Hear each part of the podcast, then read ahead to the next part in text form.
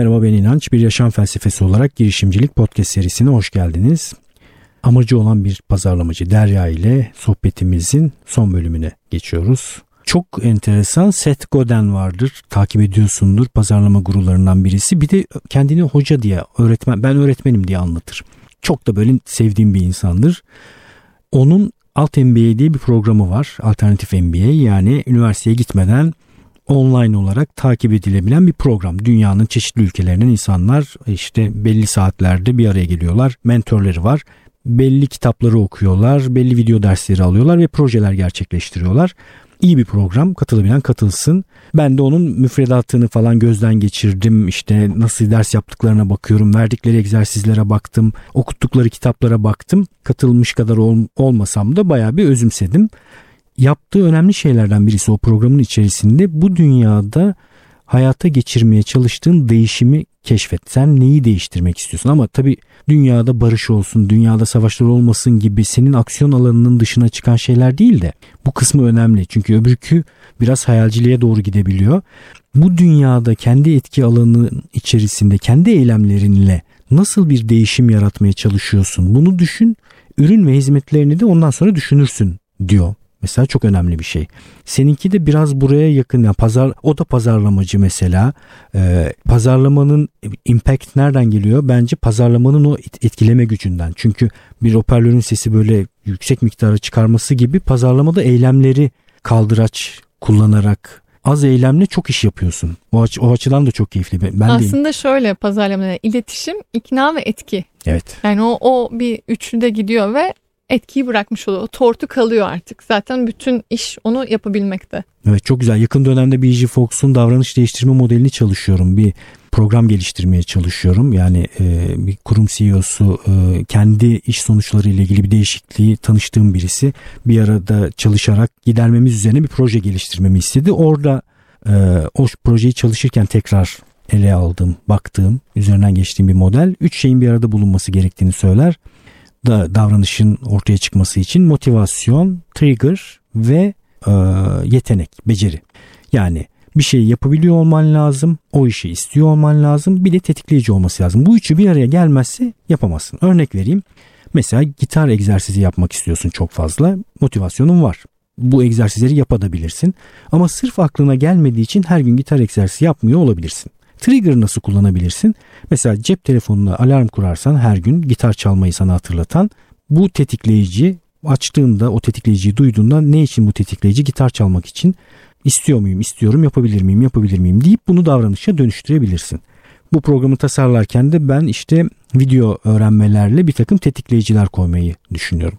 Orada B.G. Fox'un verdiği örneklerden birisi var pazarlama ile ilgili. Mesela bir insana günde 10 dakika yürümeyi yürümesini sağlayabilirsen o insan böyle bir alışkanlığı hayatına geçirdiğinde bu davranışı tekrarladığında bir süre sonra yürüyüş ayakkabısı alma ihtiyacı hissedebilir. Markalar biraz da bunu artık yapıyorlar zaten işte. Mobil uygulamaları var, bir şeyler var. Yani insanların hayatına etki etmeyi küçük daire içerisinde, çember içerisinde değil çok daha geniş bir çember üzerinde içinde düşünmek gerekiyor ve çok daha incelikli düşünmek gerekiyor bizim düşünmeye çalıştığımızdan. Yani sen bir yürüyüş ayakkabısı al, çok daha sağlıklı olacaksın, bolca yürü demek yerine bir insana bu çok kompleks bir davranış biçimi. B.G. Fox diyor ki bu kompleks davranışı basitleştirirsen eğer davranışa dönüşme ihtimali artacaktır. 10 dakikalık şeylerle bir süre sonra tetikleyici görev görecek ve bir yürüyüş ayakkabısı alacaktır diyor. Kesinlikle niye, niye anlattığımı bunu hatırlamıyorum ama senle de ilişkili. Kesinlikle öyle. Aslında bütün deneyimi tasarlaman lazım. Evet. İkna etmen için. Evet. Ve bir takım tetikleyiciler kullanman lazım. Reklam da bu tetikleyicilerden birisi. Mesela rafları gezerken aslında ben e, bazen de bilinç dışı bir şekilde izlemiş olduğum bir reklamın beni yönlendirmiş olduğu rafa gidiyorum bir şekilde. Peki çay bu kadar çay muhabbeti edince çay benim böyle nasıl desem çok ilgilendiğim bir alan. Yani ne kadar deli olduğumu dinleyiciler biliyor. İşte Çin'den demlik getirip demlemeler, çeşitli dakika ve sıcaklık dereceleri ve miktarlarda demlemeler falan filan.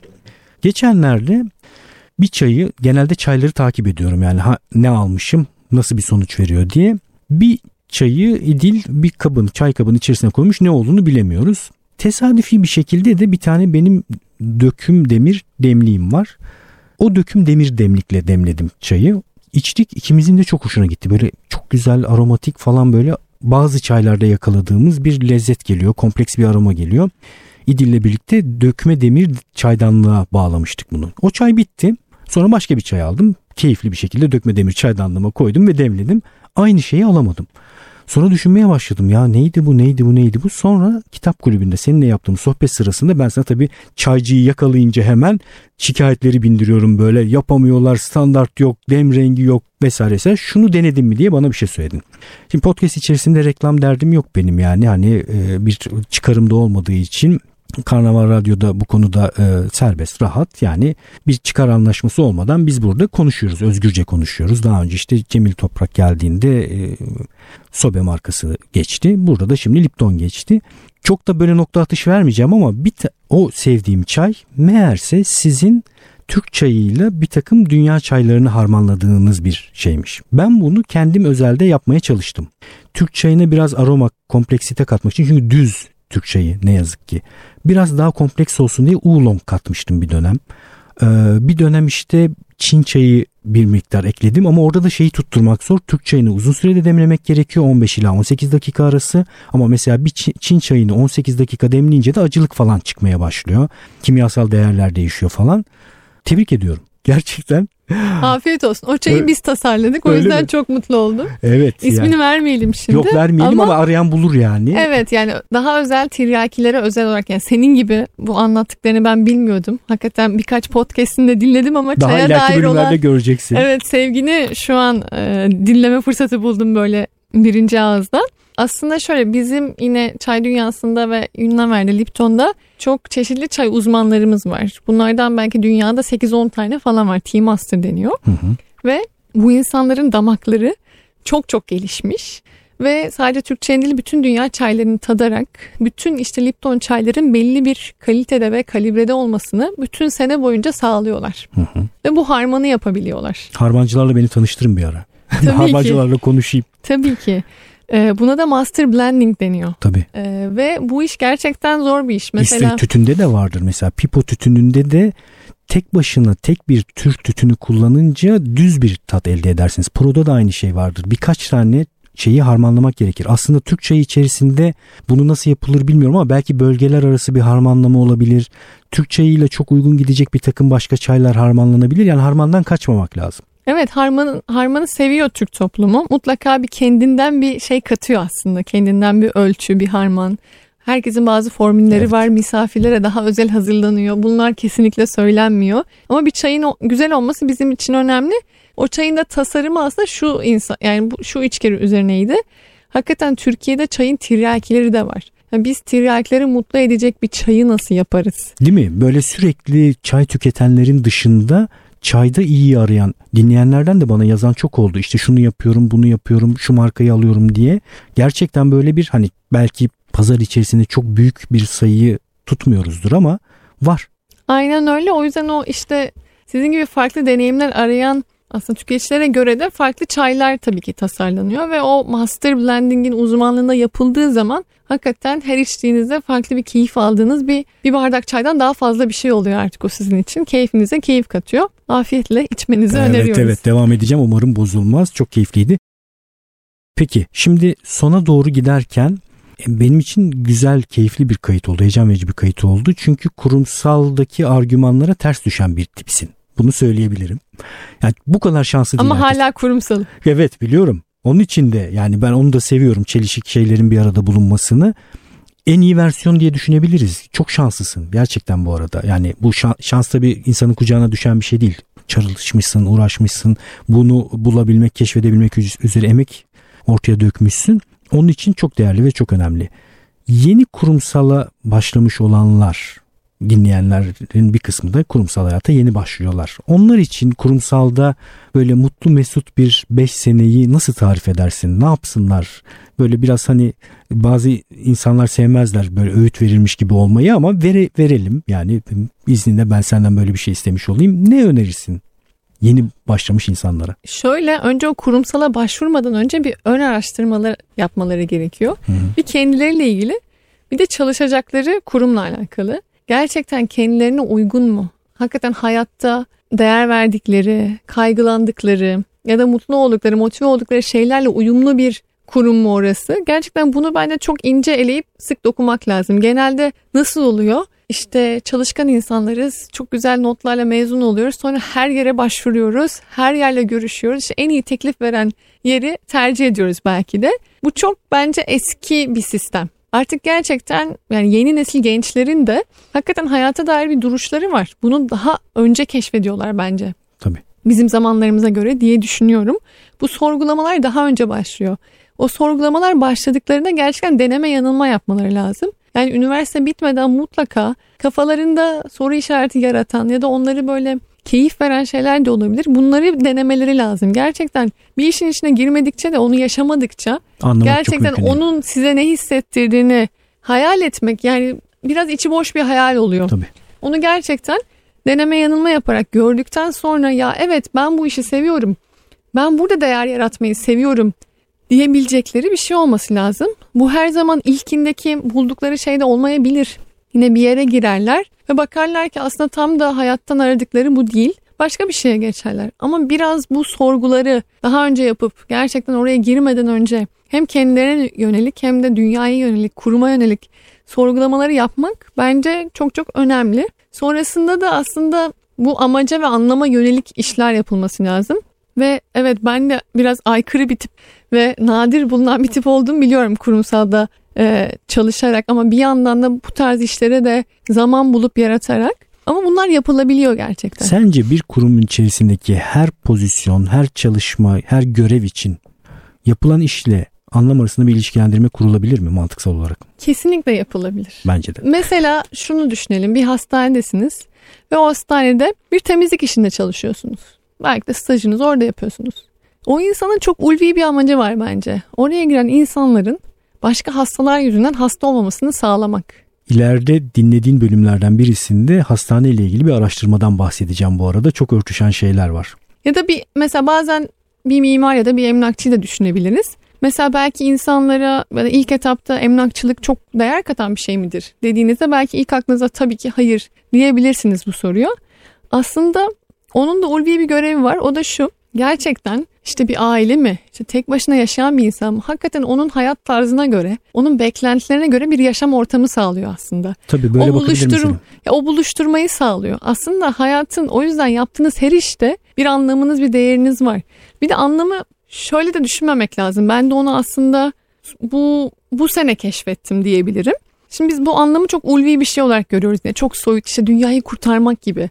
Halbuki etki edebildiğiniz şeyler olması çok önemli. Bu aslında Stephen Covey'in işte etkili insan yedi alışkanlığında benim öğrendiğim bir Çok iyi şeydir. bir kitaptır bu arada okumayanlar okusun muhakkak. Kesinlikle tekrar tekrar da okunabilir Evet. bir kitap yaşamımızın belli evrelerinde. Ve orada diyordu ki hakikaten etki alanınızın dışına çıkan bir şey varsa yani bunu dert etmeyin. Siz etki alanınızı aslında yönetebilmek, etki edebilmek için uğraşın, vakit verin. Bana çok beni çok mutlu etmişti bu. Çünkü o ana kadar işte bu hayatın amacıyla ilgili ya da care to impact ile ilgili hep şey düşünüyorum. Dünyayı kurtarmamız lazım. Daha fazla insana ulaşmamız lazım. Halbuki öyle değil. Siz girdiğiniz ortamda eğer bu amacınızı birkaç kişiye transfer edebiliyorsanız zaten busunuz ve hayatın anlamı şöyle bir şey de değil. Zaten siz neyseniz osunuz. Aslında belki siz komik bir insansınız ve sizin aslında hayatınızın bir anlamı da girdiğiniz her ortama bir komiklik getirmek, bir mutluluk getirmek, bir esenlik getirmek olabilir. Ya da siz çok entelektüel bir insansınız. Girdiğiniz her ortamda bir entelektüel pencere açabilirsiniz insanların kafasında. Yine bu hayatınızın anlamını yaşamak aslında. O yüzden bu anlam yaşamayı da aslında çok da hep her zaman işte bu sosyal girişimler yapmak, kendini işte Tabii tabii çok mistik hale getirmemek hani mistik lazım. ve soyut hale getirmemek Evet, doğru. lazım. Aslında yaşıyoruz biz bunu ama yaşadığımızın farkında değiliz. Doğru. O yüzden de bir de bu önemli. Anlam her zaman aranır, değişir, dönüşür.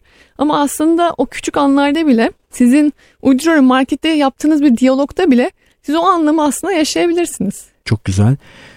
Şöyle kapatalım. İlk bir soru sormuştuk. Sonra cevabını vereceğimizi söyleyerek. Yani eğer pat diye böyle bu bölümü açarak başlayan birisi varsa aramızda ki niye öyle bir şey olsun ama ola- olabilir. Bu serinin ilk bölümünü dinlesin lütfen. Hayatınızın şu ana kadar yaşadığınız kısmına bir film ismi verseydiniz hangi isim olurdu demiştik. Bir de Öldükten sonra siz öldükten sonra cenazenizde arkanızdan neler söylenmesini isterdiniz demiştik. Niye bunu düşündük ve şimdi bu düşündüğümüz isimleri nasıl kullanacağız?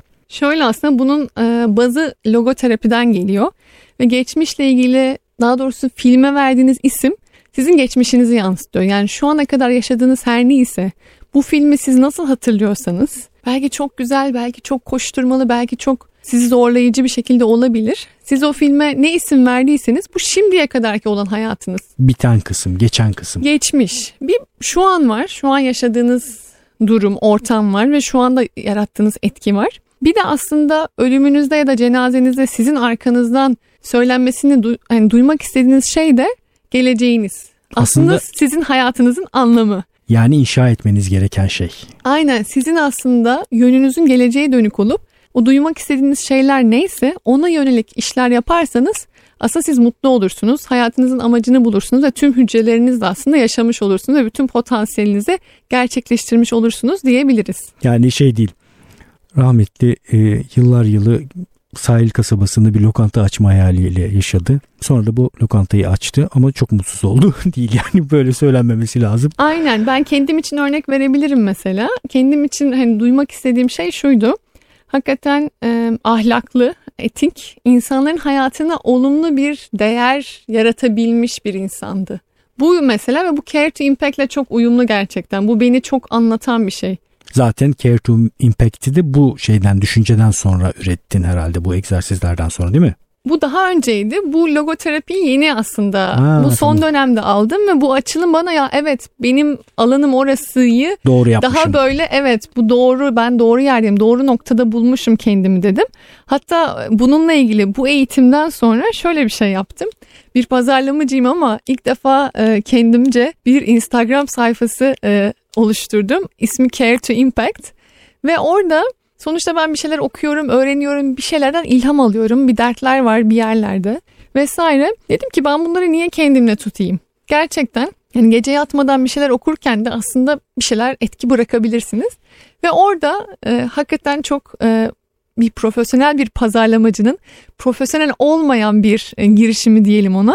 Şu an böyle 15-20 takipçim falan var. O kadar profesyonel değil ve belki ona daha az zaman ayırabiliyorum şu an. E, ama orada da gerçekten Başlamış bu, bu işlere dair belli paylaşımlar yapıyorum. Çok az yapıyorum burada. Yani bunu da biliyorum. Hı hı.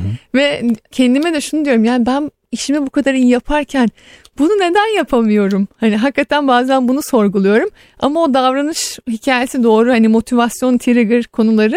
Mesela ilgilendikçe bu konulara diyorum ki ya hadi burada bir şeyler paylaşalım. Hani fiziksel olarak yaptığımız şeyleri dijital ortama da koyalım. Onu biraz daha tabii büyütmek de benim bir amacım. Davranış üreten bir şey haline gelmiş oluyor bir yandan. Aynen öyle. Peki çok keyifli bir kayıt ama sonlandırmamız gerekiyor.